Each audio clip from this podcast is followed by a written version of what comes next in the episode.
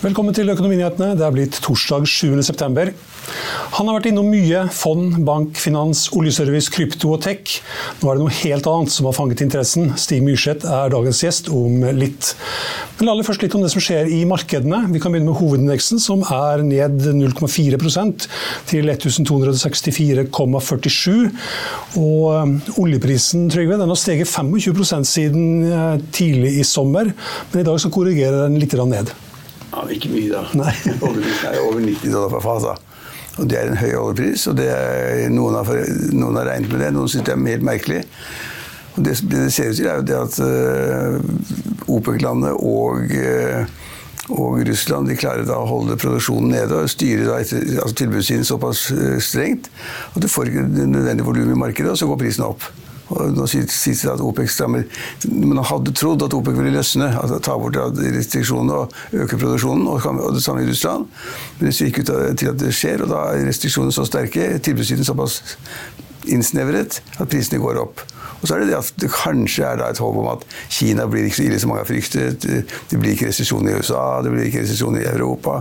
Altså, de, mange har vel inntrykk av at det, det, man trodde skulle skje, at rentenivåene blir så høye, at økonomien skulle strupe såpass mye, at uh, man da ikke trengte den oljemengden man da ville trenge ved en stor aktivitet. Og det har man ikke svaret på, men markedet sier jo nå da liksom olje er olje. Og veldig mange gode investorer i Norge, flinke investorer med, med mye penger, de har tjent masse penger i fjor, for de var det alt som hadde med olje å gjøre olje, selv, oljerelaterte rigger, uh, seismikkselskaper, tankskip, hva det måtte være. Altså alt var opp. Alt som var gode, gamle shippingdager, og da basert på oljen. Så, og den trenden er ikke endret. Altså, nå, nå, er det 90 dollar per fat, og eksperter, bl.a. Rysdal, har jo sagt at de regner med en økt oljepris. Utover dagens oljepris. Ja, og Saudi-Arabia og Russland vil heller ha en oljepris opp mot 100 dollar eller ned mot 80. Ja, så, så, da sier det seg kanskje sjøl? Ja da, men altså, det, man skulle ikke tro det var så lett å manipulere markedet som de gjør, men de klarer fint det, altså. Mm. Så, det, det, er veldig bra for Norge. da. AS Norge tjener masse mer penger både på de direkte inntektene man har fra, in, fra oljesektoren, og også fra skatter og avgifter på de selskapene som tjener penger i oljesektoren. Så Det blir veldig mye penger til for, i, i, i, statsbudsjettet, eller inntektssiden til staten. og I forbindelse med statsbudsjettet som kommer om en måned, 6. oktober, så vil de ikke snakke om den oljeprisen vi har nå. Helt sikkert. Jeg er helt sikker på at regjeringen og Finansdepartementet legger oljeprisen lavere enn 90 dollar på fat. Men hvis den oljeprisen vedvarer ut året, så vil da inntektene til staten bli enorme i forhold til det allerede allerede ligger inne i de kommende budsjettene.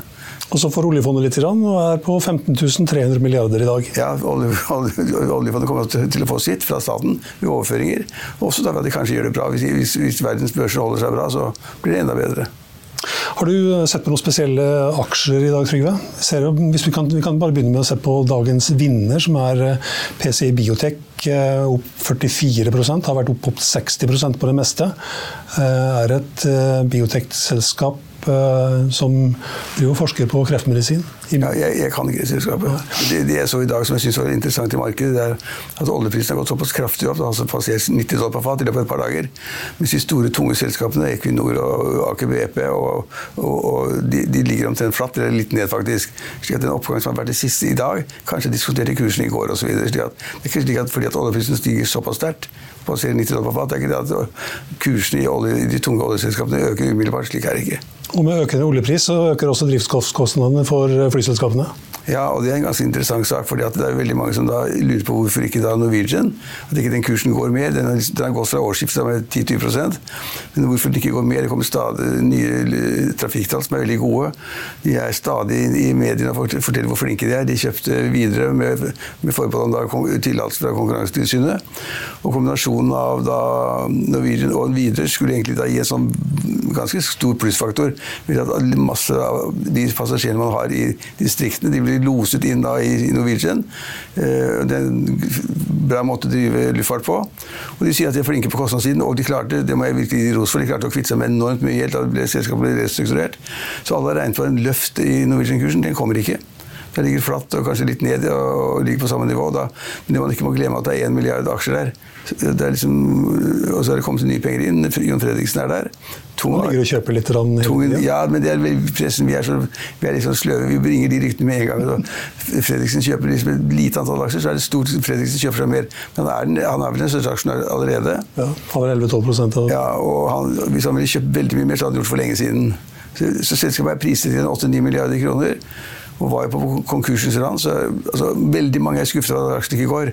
Og mange kom med historier da, fra selskapet selv om at de liksom, gjør det bra, er flinke, gjør de riktige kjøpene blant annet videre. og og at de også da tar grep på, på kostnadssiden. Men så kommer det som de ikke har kontroll med, det er da drivstoffkostnadene, som går rett i vers, selvfølgelig. De skal da øke med masse nye fly. Flåten skal utvides ganske kraftig til neste år. Og det blir ekstremt mye dyrere å drive de flyene hvis da liksom oljeprisen skulle ligge på dagens nivå. Hvis de da ikke har hedget seg. Det vet vi ikke. Ja, Det må vel hedget seg litt. Ja, men ikke så veldig mye over 90 dollar, dollar på fat. Det tror jeg ikke. Eh, Norse er et annet eh, flyselskap som eh, fremdeles er opp 180-90% så langt i år, men så korrigerer litt ned i dag. Ja, altså de, Det er såpass liten virksomhet, og de, de har jo bare tatt penger, da, skjorta. Og har én eier som har litt penger osv., men det er et lite Ikke så, ikke så ja, Det selskapet det, det, er vanskelig å spå hvordan det skal gå med de. Vi hadde Flyr gikk over ende. Norse har mer penger. Én eier. Eh, og kanskje styrer det bedre. De sikter seg inn mot liksom færre flighter, færre, færre, destinasjoner. Men de får også drivstoffkostnader midt i ansiktet. Så det, altså det å drive flyselskaper nå, det er ikke bra. Vi, vi så i USA i går at en del flyselskaper liksom gikk ned for at alle regner på drivstoffkostnadene. Og det er en stor del av kostnadene. Jeg er ikke sikker på om det er 30% men det er i det området der. SAS er vel heller ikke så lett å si hvordan det kommer til å gå? Nei, SAS mener jeg er en helt merkelig case. altså Selskapet er i realiteten konkurs, teknisk konkurs. Og, og, og de skal, de, når, de, restrukturerer, som de holdt på med nesten, et år, så kommer det så mye nye aksjer inn i selskapet at uh, de som er der da, de aksjene de er tilnærmet lik null. Det er jeg helt sikker på. Men det er, det er en viss sånn uh, trading i aksjene osv. Noen tror det skal, at det skal gå, gå, bra, men det kan ikke gå bra. Vi vet at de skal konvertere da, var det 30 millioner milliarder svenske kroner i gjeld til, til, eh, aksjer. Og så skal det tas inn 9,5 milliarder svenske kroner i, i ny kapital. Og det blir så mye aksjer at uh, de gamle kan bare glemme det. Og så er vi i, på vei inn i en litt vanskelig sesong for flyselskapene, så det gjør kanskje ikke så veldig mye lettere. Nei da, det er... Vi, kan, eh, vi, var så vidt inne på at eh, PCI Biotech var en av de aksjene som eh, er kraftig opp i dag. De har da fått innvilga et patent på behandlingsformen sin for kreft i Europa, som da står seg til 2039. Hvor mye det er verdt, er ikke godt å si, men i hvert fall aksjen stiger kraftig i dag. Har vært opp som sagt 60% På motsatt side så har vi Dagens Taper, som er Sirku Holding, som også er et selskap innen bioteksektoren med fokus på immunterapi og på vaksiner mot vanskelige sykdommer. Jeg eh, har ikke sett at det har vært noe nytt der i dag, men aksjen er ned 30 til 38 øre. Vi kan så ta en liten titt på hvordan det står til på børsene i Europa. Her er det litt blanda. Det er opp 0,2% i London, ned 0,2% i Frankfurt, eh, flatt i Paris, Eh, litt ned i Milano, 0,2% Tilsvarende opp i eh, Madrid. Og Stock 600 er da ned 0,15 i dag. På børsene i eh, USA så var det litt ned i går. Eh, Nasdaq falt jo en prosent, og det var ned 0,6% og 0,7% for Dow Jones og SMP 500. I dag ligger det an til også å fortsette ned. Det ligger an til å åpne ned 0,1% for Dow Jones ned 0,5% for SMP 500 og en knapp prosent ned for um, Nasdaq teknologitunge Nasdaq-børsen. Etter en liten kort pause så har vi med oss investor og nå medgründer i et gruveprosjekt i Zimbabwe, Stig Myrseth. Vil du bli oppdatert på det viktigste som har skjedd innen finans og næringsliv? Da er det bare å følge med, for hver morgen er jeg, Marius Lorentzen og aksjekommentator Karl Johan Malnes på plass i studio for å ta tempen på dagens marked i Børsmorgen. Og hver ettermiddag oppsummerer vi alt du trenger å vite i økonominyhetene, og det blir selvfølgelig masse interessante gjester. Klikk deg inn på fa.no-tv, eller søk opp Børsmorgen og Økonominyhetene der du hører på podkast. Hey, I'm Ryan Reynolds. At Mint Mobile, we like to do the opposite of what Big Wireless does. They charge you a lot, we charge you a little. So naturally, when they announced they'd be raising their prices due to inflation, we decided to deflate our prices due to not hating you. That's right. We're cutting the price of Mint Unlimited from $30 a month to just $15 a month. Give it a try at mintmobile.com slash switch. $45 upfront for three months plus taxes and fees. Promo for new customers for limited time. Unlimited more than 40 gigabytes per month. Slows. Full terms at mintmobile.com. I'll see you in court. Vi sier det ofte litt på spøk, men for deg som driver business, er det aldri moro å innse at du ikke har laget en 100% gyldig kontrakt. Du bør ikke risikere hele firmaet ditt fordi du synes dette med kontrakter er litt stress. En avtale er ikke en avtale. Du kan miste kunder, miste venner, ja, til og med miste inntekter om du ikke lager en skikkelig kontrakt, på alt mulig, egentlig. Men vi vet det er et styr. Kopimaskiner, tregprinter og haugevis av papir. Dessuten stoler vi jo på folk her i landet. Det er ofte litt kleint å skulle be om en signatur for alt mulig, ja, for mye av styret handler også om jakten på underskriften. Det finnes en enkel måte å løse dette på, Dukkobit, en trygg, effektiv og get this, gratis måte å sikre seg en god natts søvn pluss en juridisk bindende avtale. Dukkobit-appen har de strengeste sikkerhetskrav i bunn, samt en EU-godkjent og sertifisert teknologi. Framover vil det bli behagelig å spørre du, skal vi skrive under på det, eller? Kom i gang på dukkobit.no.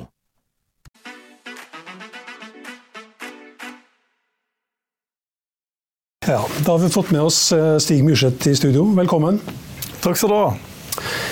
Eh, du har jo vært borti mye rart. eh, Bank og finans og fond og krypto og tech. Og... Men nå har du funnet noe helt nytt som du har trigga på. Hva er det for noe? Ja, selv eh, er involvert eller medgründer i et selskap som heter Asive Mineral, som søker om letekonsesjon for grønne mineraler, primært litium, i Zimbabwe.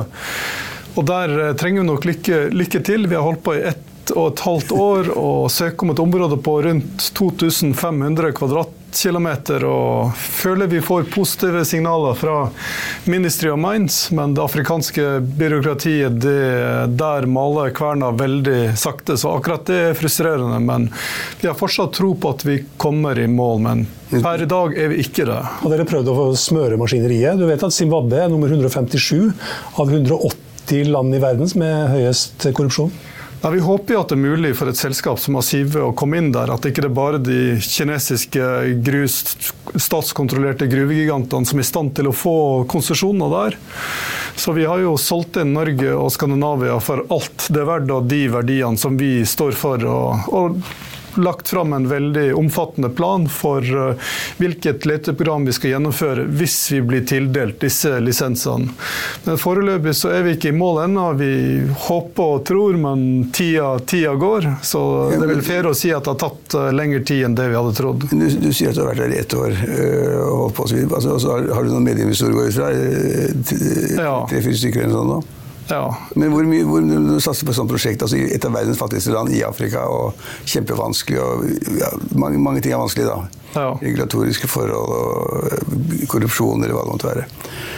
Men hvor mye penger startet man da med? Snart var man liksom med 100 millioner eller 3 millioner, eller liksom du og dine venner for å gå inn i Afrika og skal utvinne mineraler. Hvor mye penger må du da ha med deg?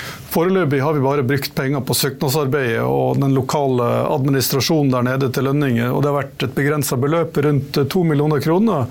Og så er medgründerne, vi er fem stykker. og En ting som er veldig viktig i alle startups, er at rock solid team av folk som vet hva de gjør, og som er til å stole på.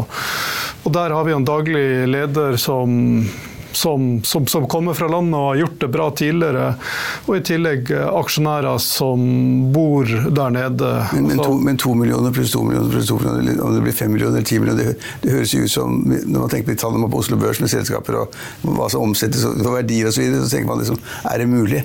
Altså, ja. jeg, jeg bare hørte om det første gang i dag. Så jeg, men du, er, du, tror det er mulig å drive et gruveselskap fra scratch fra begynnelsen for med noen millioner kroner? Det er bare det vi har brukt så langt. Dette ja. er en veldig kapitalintensiv bransje. Så hvis vi får tildelt disse 2500 kvadratkilometerne, så vil det trigge helt andre kostnader i henhold til det leteprogrammet som ja, Når du begynner å grave, begynner gravemaskin, da blir det ganske dyrt, tenker jeg. Ja, ikke sant, ikke sant. Så dette selskapet vil jo ha et betydelig kapitalbehov. Så vi vil være avhengig av å, å finansiere det. Det, det, det, vil vi, men Snakker da snakker milliarder, gjør vi ikke det? Jeg tror ikke vi gjør det. Vi snakker, snakker ikke om den, den, typen beløp. Men det er ingen tvil om at gruveindustri er kapitalintensivt. Men vår, vår, strategi er jo først bare å sikre oss å få en eksklusiv rett på disse landområdene. Zimbabwe er jo et, et korrupt land, som du er inne på, men også et veldig mineralrikt land. Det er Afrikas største produsent av litium, nest største produsent av platina og tredje største produsent av gull. Så hvis vi klarer å få disse eksklusive rettighetene på disse, disse, disse landområdene, så sitter vi i hvert fall på det jeg vil kalle en, en realopsjon med veldig stor Men hvorfor skulle, hvorfor skulle en hyggelig mann fra Norge få liksom rettigheten til så store områder i et så korrupt land? Hvis, hvis det var noen verdier der, så ville de gi det til noen venner eller bekjente eller politikere eller andre. Ja, ikke sant? Vi har jo ikke fått det foreløpig. uh, men, men det er klart det som vi har vært opptatt av, det er at det er viktig for Zimbabwe å diversifisere seg og ikke, ikke bare ende opp som en koloni av Kina. Det er også viktig å tiltrekke seg investorer og selskaper fra andre deler av, av verden.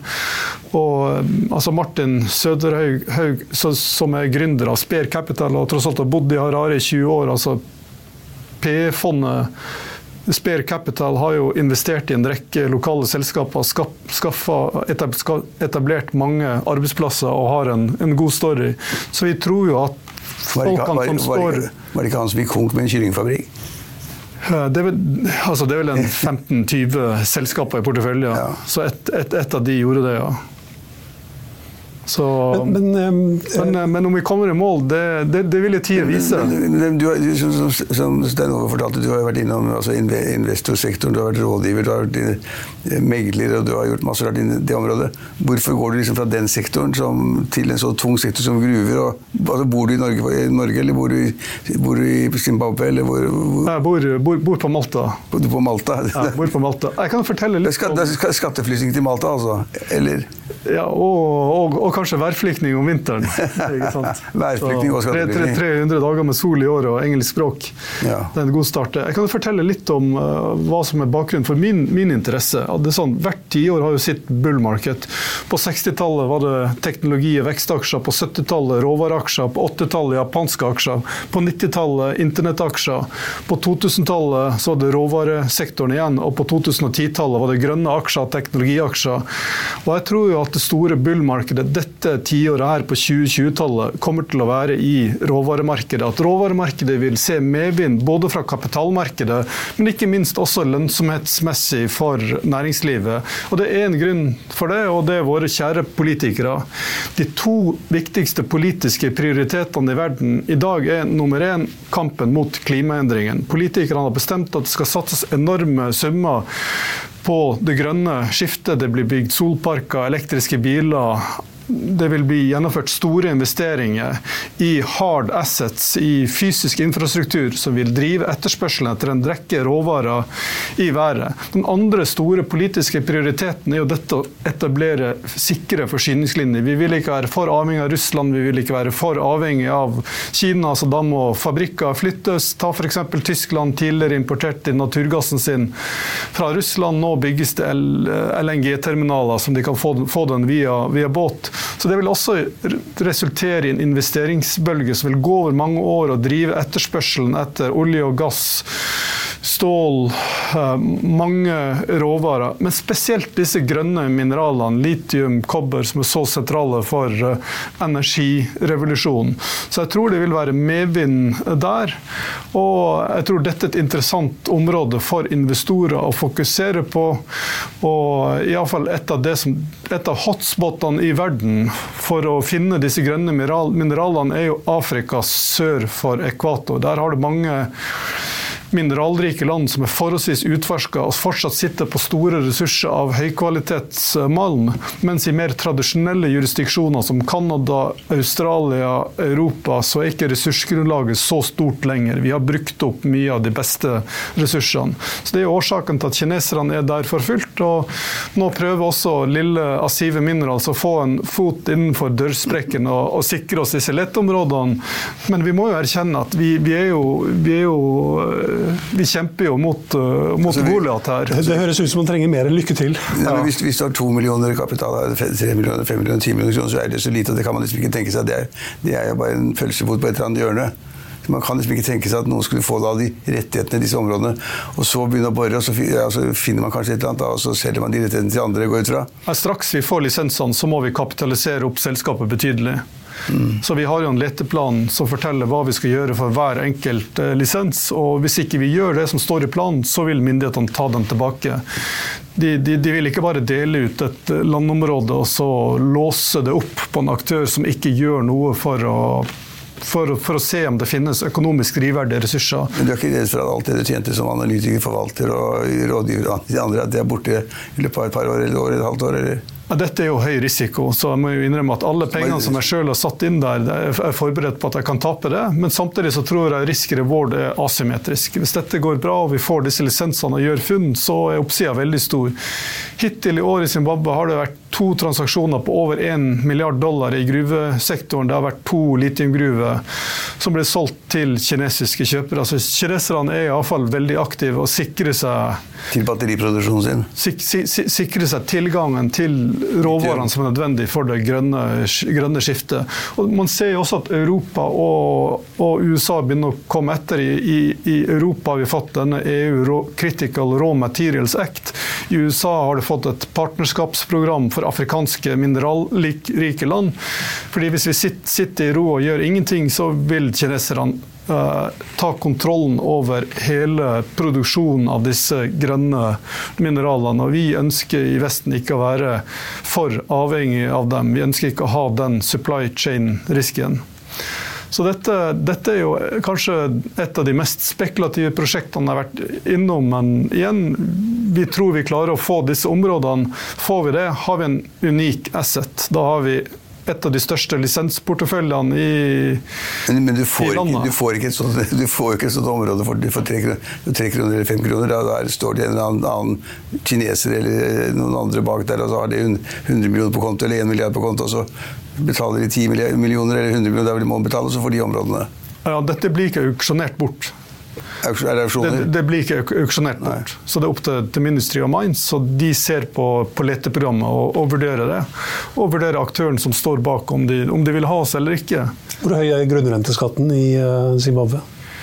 Uh, skatten på gruvevirksomhet er forholdsvis høy, rundt 55% når du regner med alt. Så gruveindustrien er jo nasjonal prioritet i landet og er jo er jo sentral i regjeringens strategi for å bli et middelklasseland innen 2030. Det er gruveindustrien som skal ta Zimbabwe dit, så de er jo veldig opptatt av å utvikle den. Og de ønsker utenlandske investorer velkommen. Og vi er blant de som ønsker å komme inn der. Ja, hvorfor, hvordan havnet du der? Eh, det var rett og slett bare via teamet i, i, landet. Det ene er at landet er mineralrikt, og det andre er at vi har folk der som, som er til å stole på. Hadde de hørt om Stig Myrseth i Oslo, liksom, eller hvordan hvor, ja, altså det, hvordan kom du dit? Meg er ikke den sentrale der. Nei, men hvordan kom du dit? Um, jeg, jeg, kjenner, jeg, kjenner, teamet i Spare Capital godt. Og, så, det, så det er via, via den, den relasjonen jeg er kommet inn der. Så det er, ikke, det er ikke Stig Myrseth som reiste til et afrikansk land og, og traff, traff, noen i en bar og, og, fant ut at nå skal jeg starte gruveselskap. Har du vært mange ganger i Zimbabwe? Hva sa du? Har du vært mange ganger i Zimbabwe? Jeg har vært uh, to, to, turer, har vært der en måned til sammen. Og har vel uh, tilbrakt uh, 2500 km i bil og, og, besøkt ulike områder og fått touch and feel med egne øyne og, og sett, sett, sett, på lisensene som vi søker på. Hvor mye kunne du om Zimbabwe for et år siden? Uh, altså For tre år siden, før jeg hadde vært i Afrika i det hele tatt, kunne jeg ingenting. Mm. Ingenting. Men apropos dette med, med, med megatrender, så jeg nevnte jo dette med at Hva het det før? Rhodesia. var en liten test. ja. Ikke sant, ikke sant. Apropos dette med megatrender, så har jeg veldig tro på at bullmarkedet dette året blir råvarer. Men det er ikke til å komme fra at også teknologi er, er interessant, og da tenker jeg spesielt på dette med kunstig, kunstig intelligens, AI. Det kommer til å bli uh, sluse inn enorme mengder kapital inn i det segmentet, både fra selskaper og fra fra investorer. Dette kommer til å være en hot topic blant, blant investorer, å prøve å identifisere vinnerne der. Altså Et av de selskapene som har hatt en relasjon til tidligere, Opera Software, som er notert på Nasdaq i USA nå, etter at de ble delista på Oslo Børs, de annonserte vel for litt over en måned siden at nå har de integrert AI i nettleseren sin. Og aksjekursen gikk tregangen bare på meldinga. Ja, nettopp. Masse ja. sånne tilfeller de går, de går på meldinger om at de skal bruke Ja, ok men hvorfor gjør du ikke det? Det kan, det kan du jo. Og det, det, er noe som jeg tror man som investor skal være oppmerksom på, på Oslo Børs. Ja, men hvorfor jobber du ikke med det istedenfor å prøve å finne noen metaller? Altså selv, selv, har jeg investering i flere, flere selskap. Altså Asive er vel noe som jeg bruker en 25 av, av tida mi på. Og så sitter jeg med investering alt fra elbilladere til software eh, og, og andre ting. Elbilladere, huff a meg, hva var det siste? det, det norske det selskapet i Sverige Easy. Easy, ja. Easy, ja. ja. Ja, det, det, er ikke det du har vært inne i? Nei, Amina, Amina Charging. Mm. Så for oss har det vært uh, har det vært positivt det som har skjedd når eh, den største aktøren med 60-70% av markedet har blitt feid av banen på den måten der. Hvor mye har du plassert i Opera Software, da? Hva sa du? Hvor mye har du gjort? Ingenting. Ingenting ja. Så, men, men, men, det er klart det er noe som jeg har tenkt litt på, fordi dette er et tema som kommer til å være med oss gjennom mange år, og som kommer til å generere investorentusiasme. Og jeg tror nok vi vil se det på Oslo Børs også, at det vil være børsnoterte selskaper som sender ut melding om at nå har de lansert et eller annet AI-produkt, og aksjekursen vil gå kraftig på, på sånne meldinger. Uh, Aksjestrategen Myrseth, hvilke selskaper ser han på da? Så jeg satt, jeg satt jo bare her og tenkte over uh, morgenkaffen. Du hadde jo Saga Tankers, som under den grønne bobla ble til Saga Pure. Uh, og nå har de vel slutta å satse på, på grønne, grønne, selskaper, men det er klart hadde Saga Pure bytta navn til Saga AI, så tror jeg sånn som markedsklimaet er nå, hadde aksjen gått 50 Men du er jo litt seriøs, Stig. Du kan ikke satse ja. på det. Liksom. Det blir, det, det, det blir liksom, vi, vi, man kan sikkert sette sammen en gruppe som skulle satse på selskaper som da sa nå har vi fått masse, masse kunstig intelligens-produkter, eller vi har gjort noen fly, kjempeting, gjort noen kontrakter eller, Det kan man ikke satse på. Men, men, men, er, men er, ikke det, er, ikke kunstig intelligens et bedre felt å satse på enn en, en, uh, Zimbabwe og leteområder og malm og boring og jeg tror det er viktig å spre seg. Jeg tror det er ikke satse alt på ett kort. Veldig, veldig fjernt fra hverandre, da. Ja. Ikke sant? Så jeg, jeg tror på både råvarespacet og, og kunstig intelligens. Men tilbake til spørsmålet ditt. Um, når det gjelder Oslo Børs så, og, og aktiv allokering, hvor skal man plassere pengene nå? Så når det gjelder, når det gjelder bransjer, nå er vi sent i den økonomiske sykelen. Arbeidsløsheten er veldig lav. Kapasitetsutnyttelsen er veldig høy i mange industrier. Du har litt inflasjonspress også. Og når du er sent i sykelen, da skal du satse på sentsykliske aksjer. og Det betyr ofte råvarer, rå, råvareproduserende industri, olje, oljeservice, shipping og den type ja, men det, det næringer. topp i fjor og i år. Og det tror jeg kommer til å fortsette å være topp, forutsatt at du ikke får en resesjon med det første. Og Foreløpig så ser det ikke ut som den resesjonen kommer i løpet av de neste tolv månedene, fordi husholdningene har fortsatt cash igjen fra, fra, covid som de hadde spart opp, pluss at finanspolitikken er veldig stimulerende i USA. Biden prøver å kjøpe seg valgseier ved å bruke masse penger før valget. Så jeg er jo særlig positiv til olje og oljeservice. Aker BP subsea, altså den typen selskaper rent tematisk. Det som vi ser er at OPEC er i stand til å styre oljeprisen enkelt fordi Produksjonen av skiferolje øker ikke spesielt sterk. Hvis du ser på eh, antall aktive rigger i onshore i USA, har det falt kraftig i det siste. Nå er på mange måter oljeprisen på et perfekt nivå for både oljeselskapene og verden. Går oljeprisen for mye mer opp, så vil det skape problemer for verdensøkonomien, og etterspørselen vil påvirkes negativt. Og skiferoljeproduksjonen i USA vil, vil vil stimuleres eh, for, for, mye, og oljeprisen lavere enn den nå, så vil eh, OPEC uh, slite. Så det, dette er et bra nivå for olje og oljeservice. Men, men, men, veldig mange investorer er helt enig med deg, for det var veldig mange vi kjenner ja. som tjente masse penger i 22 og som har fortsatt å tjene penger i år. og Da med den økte oljeprisen enda mer, og nå kommer riggaksjene kanskje, og seismikkselskapene er kommet. Så, så alle, da er, burde vært der, da. vet du. Det burde ikke vært i Afrika. Ja, jeg selv, selv har også litt, litt investeringer på Oslo Børs innenfor, innenfor ja. oljeservice. Så. For meg høres det ut som du, du, du, du, velger kanskje riktig sektor nå. Kanskje er det nå å gå på. Den har gått veldig, da. Oslo Børs ja. er nesten i all time high.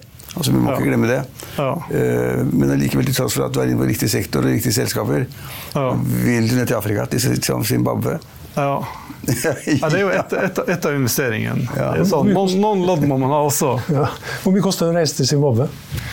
Det koster ikke så veldig mye. Altså det, det, er kanskje jeg vil si 1000, 1000 dollar eller 700 dollar. for å være mer spesifikk. Det, det, tror jeg, det, tror jeg, ja. det, det, tror jeg ikke er så mye, for jeg var nede på safari sist påske. Ja. Da flyr de jo ned til Sør-Afrika. Det ligger jo rett ved siden av. Altså fly, flyreise forholdsvis billig.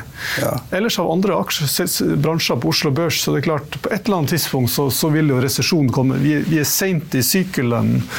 Eh, utfallsrommet i økonomien er asymmetrisk. Det er større nedside enn oppside. Eh, så når, når, når det kan jo være at det kommer et negativt sjokk som gjør at en resesjon kommer før det kanskje er forventet. At den, at, den ikke, at den, ikke, kommer kanskje i 25, men kanskje allerede i begynnelsen av 24.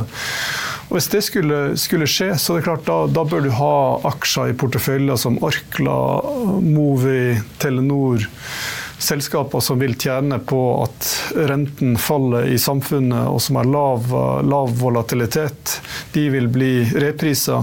Og så skal man heller ikke glemme fra at cash er jo en attraktiv investering. Vi har tross alt høye, høye renter nå. Så det er klart når det er seint i sykelen, og som du er inne på, børsen er opp høyt priser på en del, del, kriterier, selv om råvareindustrien ikke er høyt priser jevnt over, vil jeg si. Så, så, så, det klart det å ha cash i portefølje er heller ikke dumt.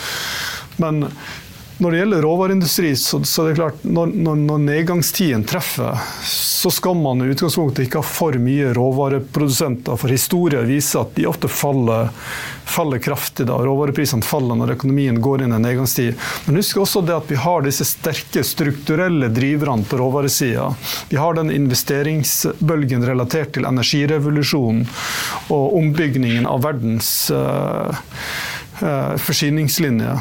Så hvis du f.eks. går tilbake til den resesjonen du hadde etter internettbobla i 2002-2003, så klarte råvareaksjer aksjer seg rimelig greit, på tross av at verdensøkonomien gikk inn i en grunn resesjon. Og jeg tror kanskje det vil være tilfellet denne gangen her også.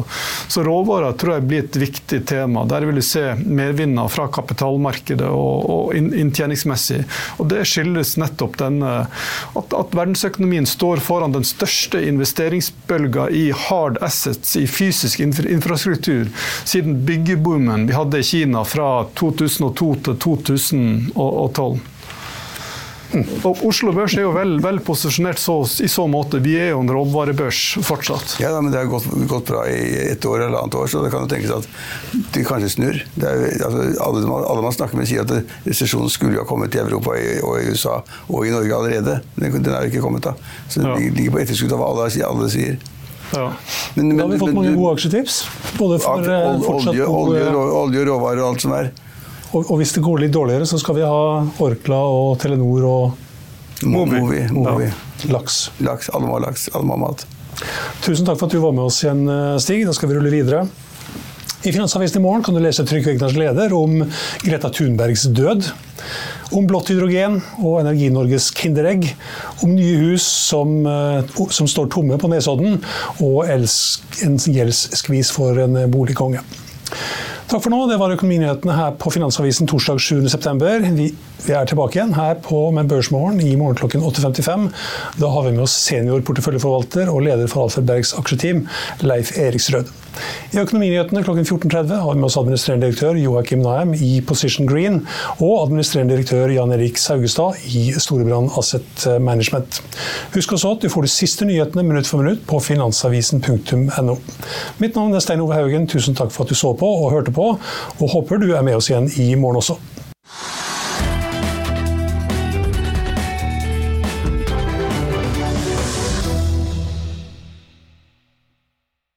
Økonominyhetene er en podkast fra Finansavisen. Programledere er Marius Lorentzen, Stein Ove Haugen og Benedikte Storm Bamvik. Produsenter er Lars Brenden Skram og Bashar Johar. Og ansvarlig redaktør er Trygve Hegnar.